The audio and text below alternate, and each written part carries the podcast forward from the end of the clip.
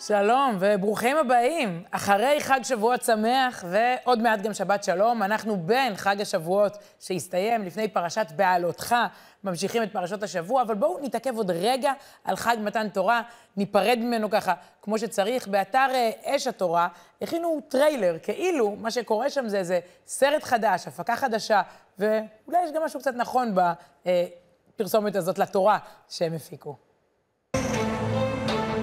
מאורע מיוחד במינו, שלא היה כמותו.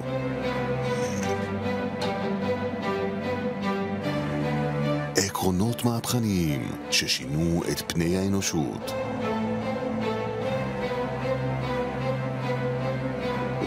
יום בו נוצר עם קטן שנבחר לשנות את העולם.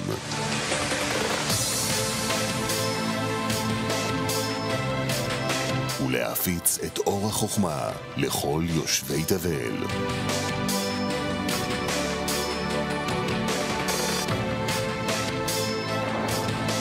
יום שהרעיד את העולם.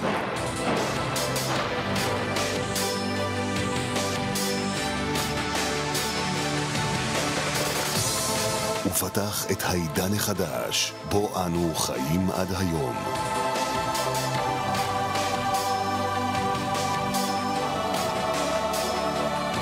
חג השבועות, היום בו קיבל העם היהודי את התורה בהר סיני.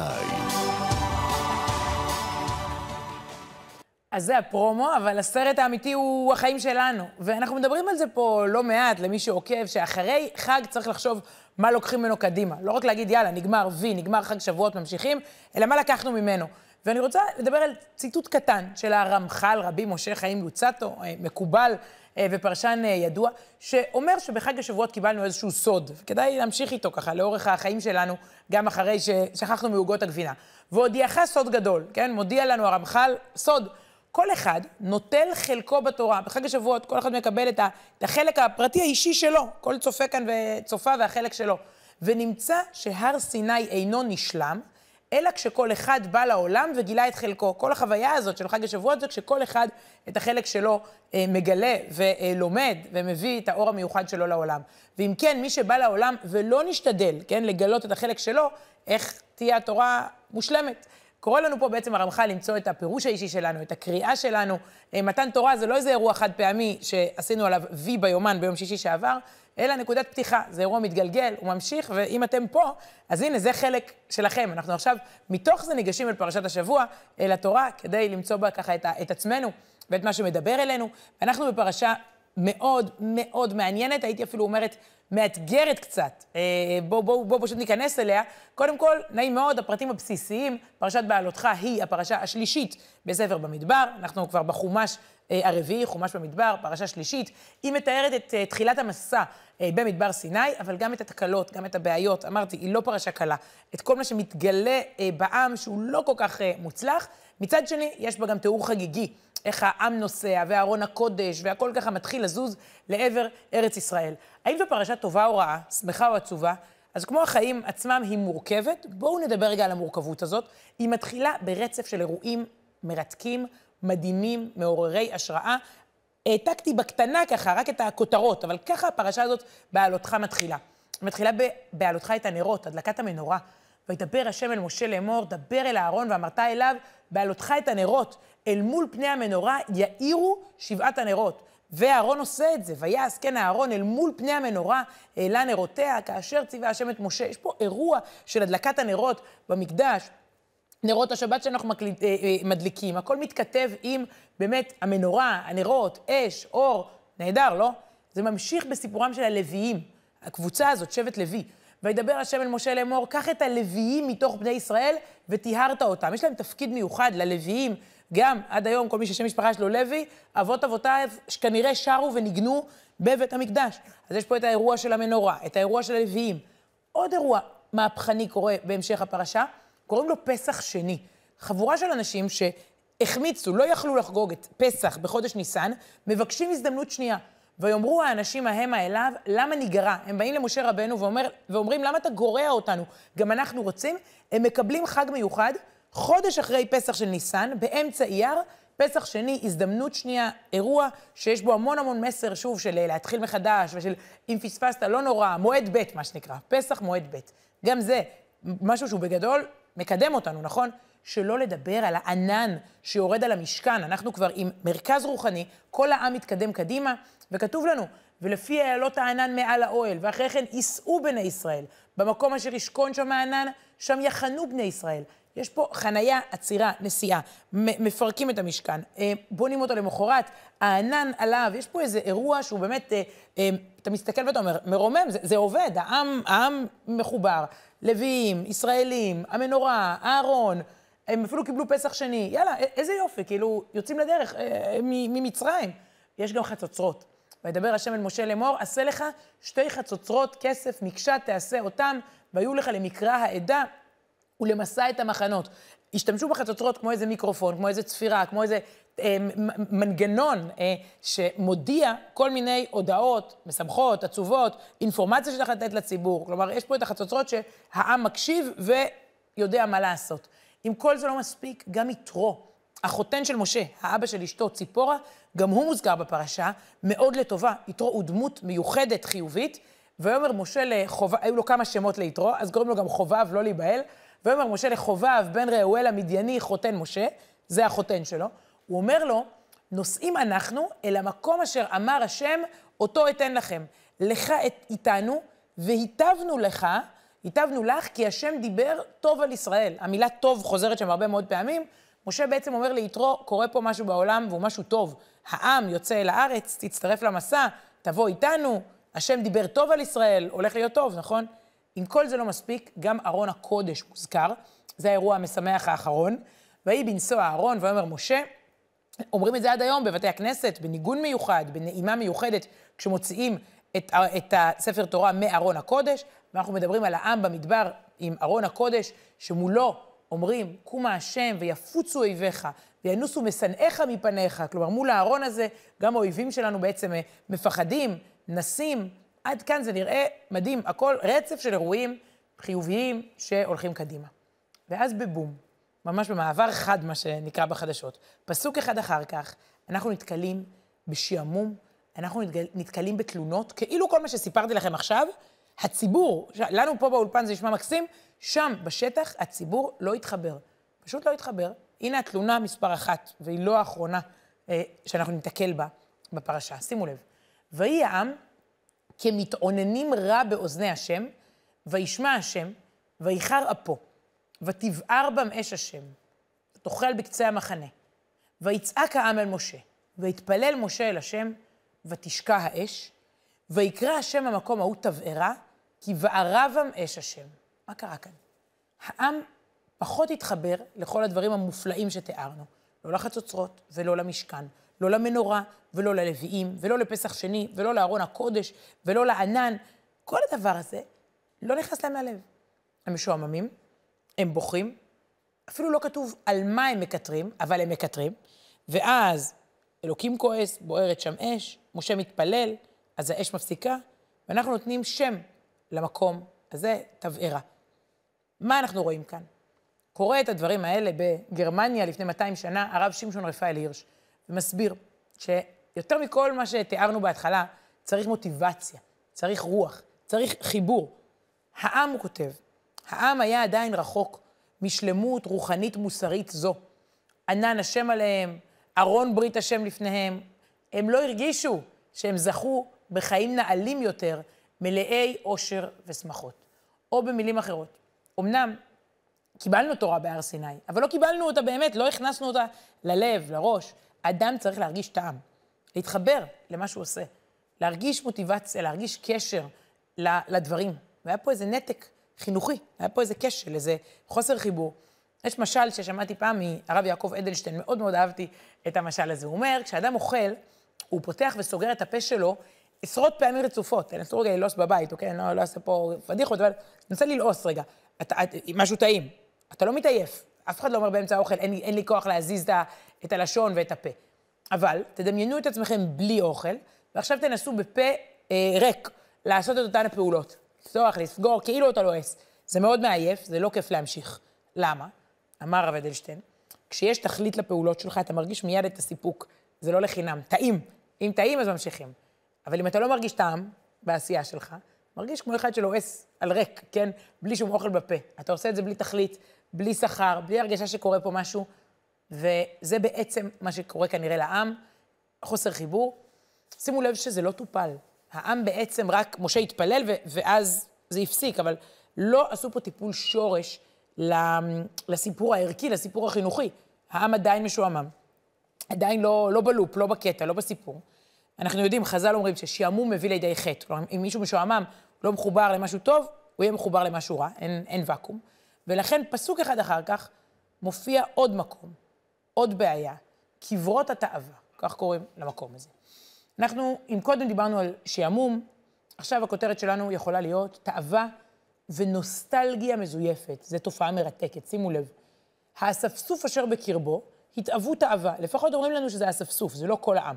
אבל יש פה איזו קבוצה, ששוב, לא מתרשמת מהענן והמשכן. הרגע, אגב, תחשבו, זה אנשים שראו את הר סיני, את עשרת הדיברות, הם ראו את קריעת ים סוף, הם ראו את עשר המכות בפרעה, ועדיין הם לא, הם לא בקטע. אז מי זה האספסוף הזה? הם התאוו תאווה, וישובו ויבכו. וגם בני ישראל מצטרפים אליהם, בסוף הם כבר משכנעים את כולם. זה ככה הסתה כזאת, ויאמרו, שימו לב לפייק ניוז. מה הם אומרים, החבורה המתגעגעת הזאת? למה הם מתגעגעים? תראו, מי יאכילנו בשר? זכרנו את הדגה אשר נאכל במצרים חינם, את הקישואים ואת האבטיחים, ואת החציר, ואת הבצלים ואת השומים, ועתה נפשנו יבשה, אין כל, בלתי אל המן עינינו. רגע, צריך לעצור פה שנייה, לפני שנמשיך עם הפסוקים, כי באמת, אני צריכה להתנצל בפני הצופים על, על השקרים שאנחנו משדרים להם פה, זה פשוט פייק ניוז, פייק תלונות. אנשים יושבים ומתגעגעים למצרים. אנשים מתגעגעים לאושוויץ שלהם. הרי זרקו שם תינוקות ליאור, והייתם משועבדים, ולא נתנו לכם ללדת תינוקות, ועבדתם קשה. הגברים, הנשים, כולם היו צריכים להסתתר ולעמול, וזה היו דברים שהם לא... זה פשוט התעללות. אתה מתגעגע לקישואים במצרים, אתה רציני? מתברר שכן, האוויר סובל, סובל הכל. אפשר לשקר ולעורר באנשים תחושות כאלה של, של פייק נוסטלגיה. וישמע משה את העם, בוכה למשפחותיו. זה היה מין תחביב כזה, כולם ישבו וקיטרו ביחד, כן? איש לפתח אוהלו. כל אחד יושב בפתח האוהל, אוי, סבתא, את זוכרת את הקישואים של מצרים, יו, כן, יהי בני, אתה זוכר את הבצלים וכולי. ואיחר אף השם מאוד ובעיני משה רע.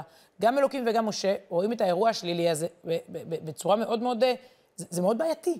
ויאמר משה אל השם, למה הראות לעבדיך? לא אוכל אנוכי לבדי לשאת את כל העם הזה, כי כבד הוא, כבד ממני. משה מבין שאם ככה הם מתארים את הגיהנום המצרי, כן? זה מלון חמישה כוכבים עם פנסיון מלא, הגיהנום הזה. מתברר שהם בכלל, שוב, הם, הם לא מחוברים. מה באמת חסר להם? כשאנחנו רואים את התלונות, לא חסר להם בשר, לא חסר להם קישואים, זה סימפטום. חסר להם רוח, חסר להם חינוך. הבעיה השורשית, השורשית היא שהם לא, ש, שאין פה מוטיבציה, ובלי זה אי אפשר להתקדם. כלומר, הוצאנו את העם ממצרים, לא הוצאנו את מצרים מהעם. יש להם מנטליות של עבדים. הם מעדיפים לחזור, לחטוף מכות מהמשעבד המצרי, ורק לקבל בסוף היום איזה מנה של בצל וקישואים, מאשר לצאת מעבדות לחירות, לקבל אחריות על החיים שלהם, לצאת לארץ, לקבל את כל התורה. לא, הם ממש, אין, אין עם מי לעבוד. אין עם מי לעבוד. כאן לפחות יש טיפול. אם בפעם הקודמת שהם השתעממו, אתם זוכרים, אז רק משה התפלל והאירוע כאילו נסגר, אבל לא, לא טופל, פה יש טיפול. איך מטפלים? נותנים לבן אדם מדריך, חונך, מחנך, מורה, אדם שישפיע עליו, שירומם אותו, ש, שיקח אותו. ויאמר השם אל משה, בעצם אומר לו, תאסוף לי 70 איש מזקני ישראל, אנשים ברמה, מבוגרים, מנוסים, מחונכים, וירדתי ודיברתי עמך שם, והצלתי מן הרוח אשר עליך. קוראים לזה הצלת סמכויות, כן? האצלת רוח. מכל הרוח שיש על משה, אלוקים לוקח ושמתי עליהם. אני אעשה גם אותם לדמויות חינוכיות, ונשאו איתך במסע העם, ולא תהיה אתה לבדיך. כלומר, גם ההנהגה פה בעצם מתחלקת, לא רק משה, אלא יהיו פה עוד אנשים, מבוגרים, זקנים, מקבל, רוחניים, כן, אנחנו מקבלים מהרוח של משה, והם, וואו, יש להם הרבה עבודה. כל אחד מהם צריך ללכת אחד-אחד עם בני ישראל, גברים, נשים, ילדים, נוער, זקנים, לחזק, לרומם, להסביר כמה חשובה היום הסברה, חינוך, לאן אנחנו הולכים, למה יצאנו ומה מה, מה קורה פה בכלל. אז האירוע הזה, צריך להבין, הוא, אה, הוא בעצם, התורה נותנת לנו פה טיפול שורש נצחי. אם ילד מפריע בכיתה, אם ילד משועמם, אם ילד עושה שטויות, אם ילד אה, מתלונן, אה, משקר, כן, יש פה, אמרנו, fake news, אה, אפשר לטפל ב, בסימפטום, אבל צריך ללכת לשורש. שורש הוא שהוא לא מחובר לסיפור הגדול, הוא בכלל לא מבין את המשמעות, את השליחות. זה התפקיד של אותם 70, אה, הייתי אומרת, אה, תחת משה רבנו, אנשים שמעכשיו הם אה, תחת משה רבנו, יוצאים לחנך אה, את העם. אוהל אוהל צריך לעבור שם, כי, כי זה כבר נהיה טרנד. הקיטורים נהיו אופנה, רש"י כותב שם, שזה זה היה ה small talk. בפינת קפה, ובברזייה בבית ספר, ובאוהל, וככה בתור ליד המשכן. ה small talk היה לקטר, וכשיש ככה איזה, שזה היה כיף, מאוד מאוד קשה להעביר את הדיבור, להחזיר אותו לאיזשהו מסלול חיובי. אז ראינו כבר שתי תלונות, ולכן אמרתי בהתחלה, זו פרשה שהיא בעלותך, את הנרות, אבל היא גם בהורידך, בהורידך את העם. כי האירוע השלישי הוא כבר בקרב ההנהגה, אה, זה לא העם. ושוב, התורה היא, היא מאוד כנה. היא מתארת לנו אירוע של לשון הרע, אה, זו, זו אולי הכותרת ככה של, ה, של האינסידנט, של האירוע השלישי, השלילי. שקורה, הכל ברצף, ברצף. והתורה מתארת מאוד בפתיחות. בעצם, אה, שוב, אם היינו, אולי אנחנו כותבים את אה, הסיפור של אבות אבותינו במדבר, היינו פונים, הרי היום כל אחד פונה לאיזו הוצאה פרטית שתכתוב את הסיפור של סבא וסבתא, אז אתה מספר את זה הכי מחמיא שיש, נכון? אתה לא... אה, ובכן, אם אנחנו היינו כותבים, כל מה שתיארתי פה היה אולי יוצא החוצה. לא סתם התורה, תורה זה מלשון הוראה, מכניסה את הדברים האלה פנימה, שנכיר, שנדע, שנלמד, שנישיר מבט, כי בסוף זה אנחנו, היא מתארת אותנו, לא, זה לא היסטוריה. זה אקטואליה, גם המנגנונים האלה קיימים, אנחנו יכולים להשתעמם ולקטר ולהתבאס. ו... האירוע השלישי, שימו לב, הוא כבר מטפס להנהגה. ותדבר מרים ואהרון במשה על אודות האישה הכושית אשר לקח, כי אישה כושית לקח. מרים אה, מצטרעת, בעצם היא לוקה בצרעת, כיוון שהיא דיברה לשון הרע. לא ניכנס לסיפור מה היא חשבה, למה היא דיברה, זה גיסתה בעצם, הרי משה, מרים ואהרון הם אחים. בכלל מעניין, שלישיית אחים אישה, שני גברים, מנהיגים את העם החוצה ממצרים, מעניין. אבל היא בעצם מדברת על גיסתה, על ציפורה אשתו של משה, היא בעצם מדברת על משה, מדברת סוג של לשון הרע, ככה מגדירים את זה פרשננו, היא לוקה בצרעת, במחלה, בגלל זה אה, משה מתפלל עליה, היא מבריאה והעם כולו מחכה לה. כל העם מחכה לה עד שהיא מבריאה ואז ממשיכים. אה, לא נשפוט כרגע ודאי את מרים הנביאה, כן נדבר רגע על הכוח של מילים, הכוח של דיבור, אה, לשון הרע.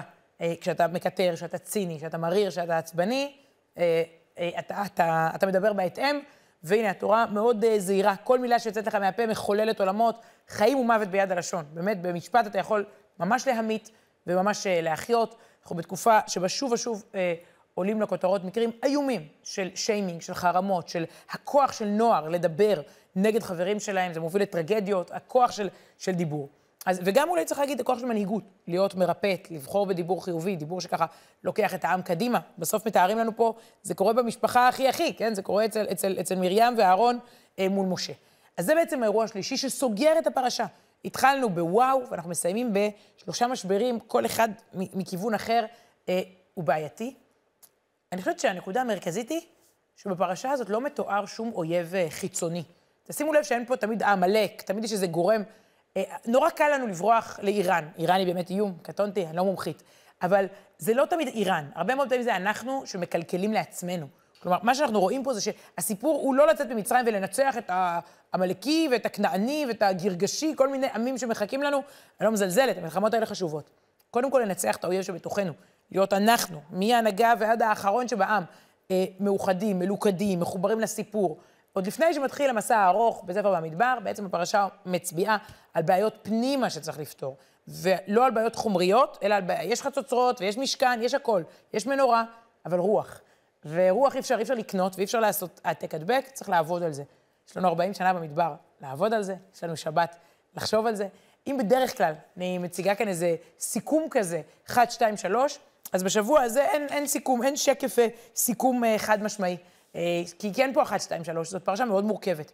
אתם, אה, אם תשמעו עוד שיעורים, יש, יש אנשים שבוחרים לדבר על הטוב שבה, ויש כאלה שבוחרים להעיר את הרע שבה, וגם וגם. זה, יש בה באמת, התורה היא אמיתית, ואנחנו אמיתיים, ואנחנו מורכבים מגם וגם. אז שנדע לבחור נכון, שנדע לראות את החלקים של בעלותך, ולא של בהורידך, ושנלמד מאבות אבותינו את המסרים הנכונים בשבת הזאת מפרשת השבוע. להתראות בשבוע הבא, תודה רבה לכם, ושבת שלום.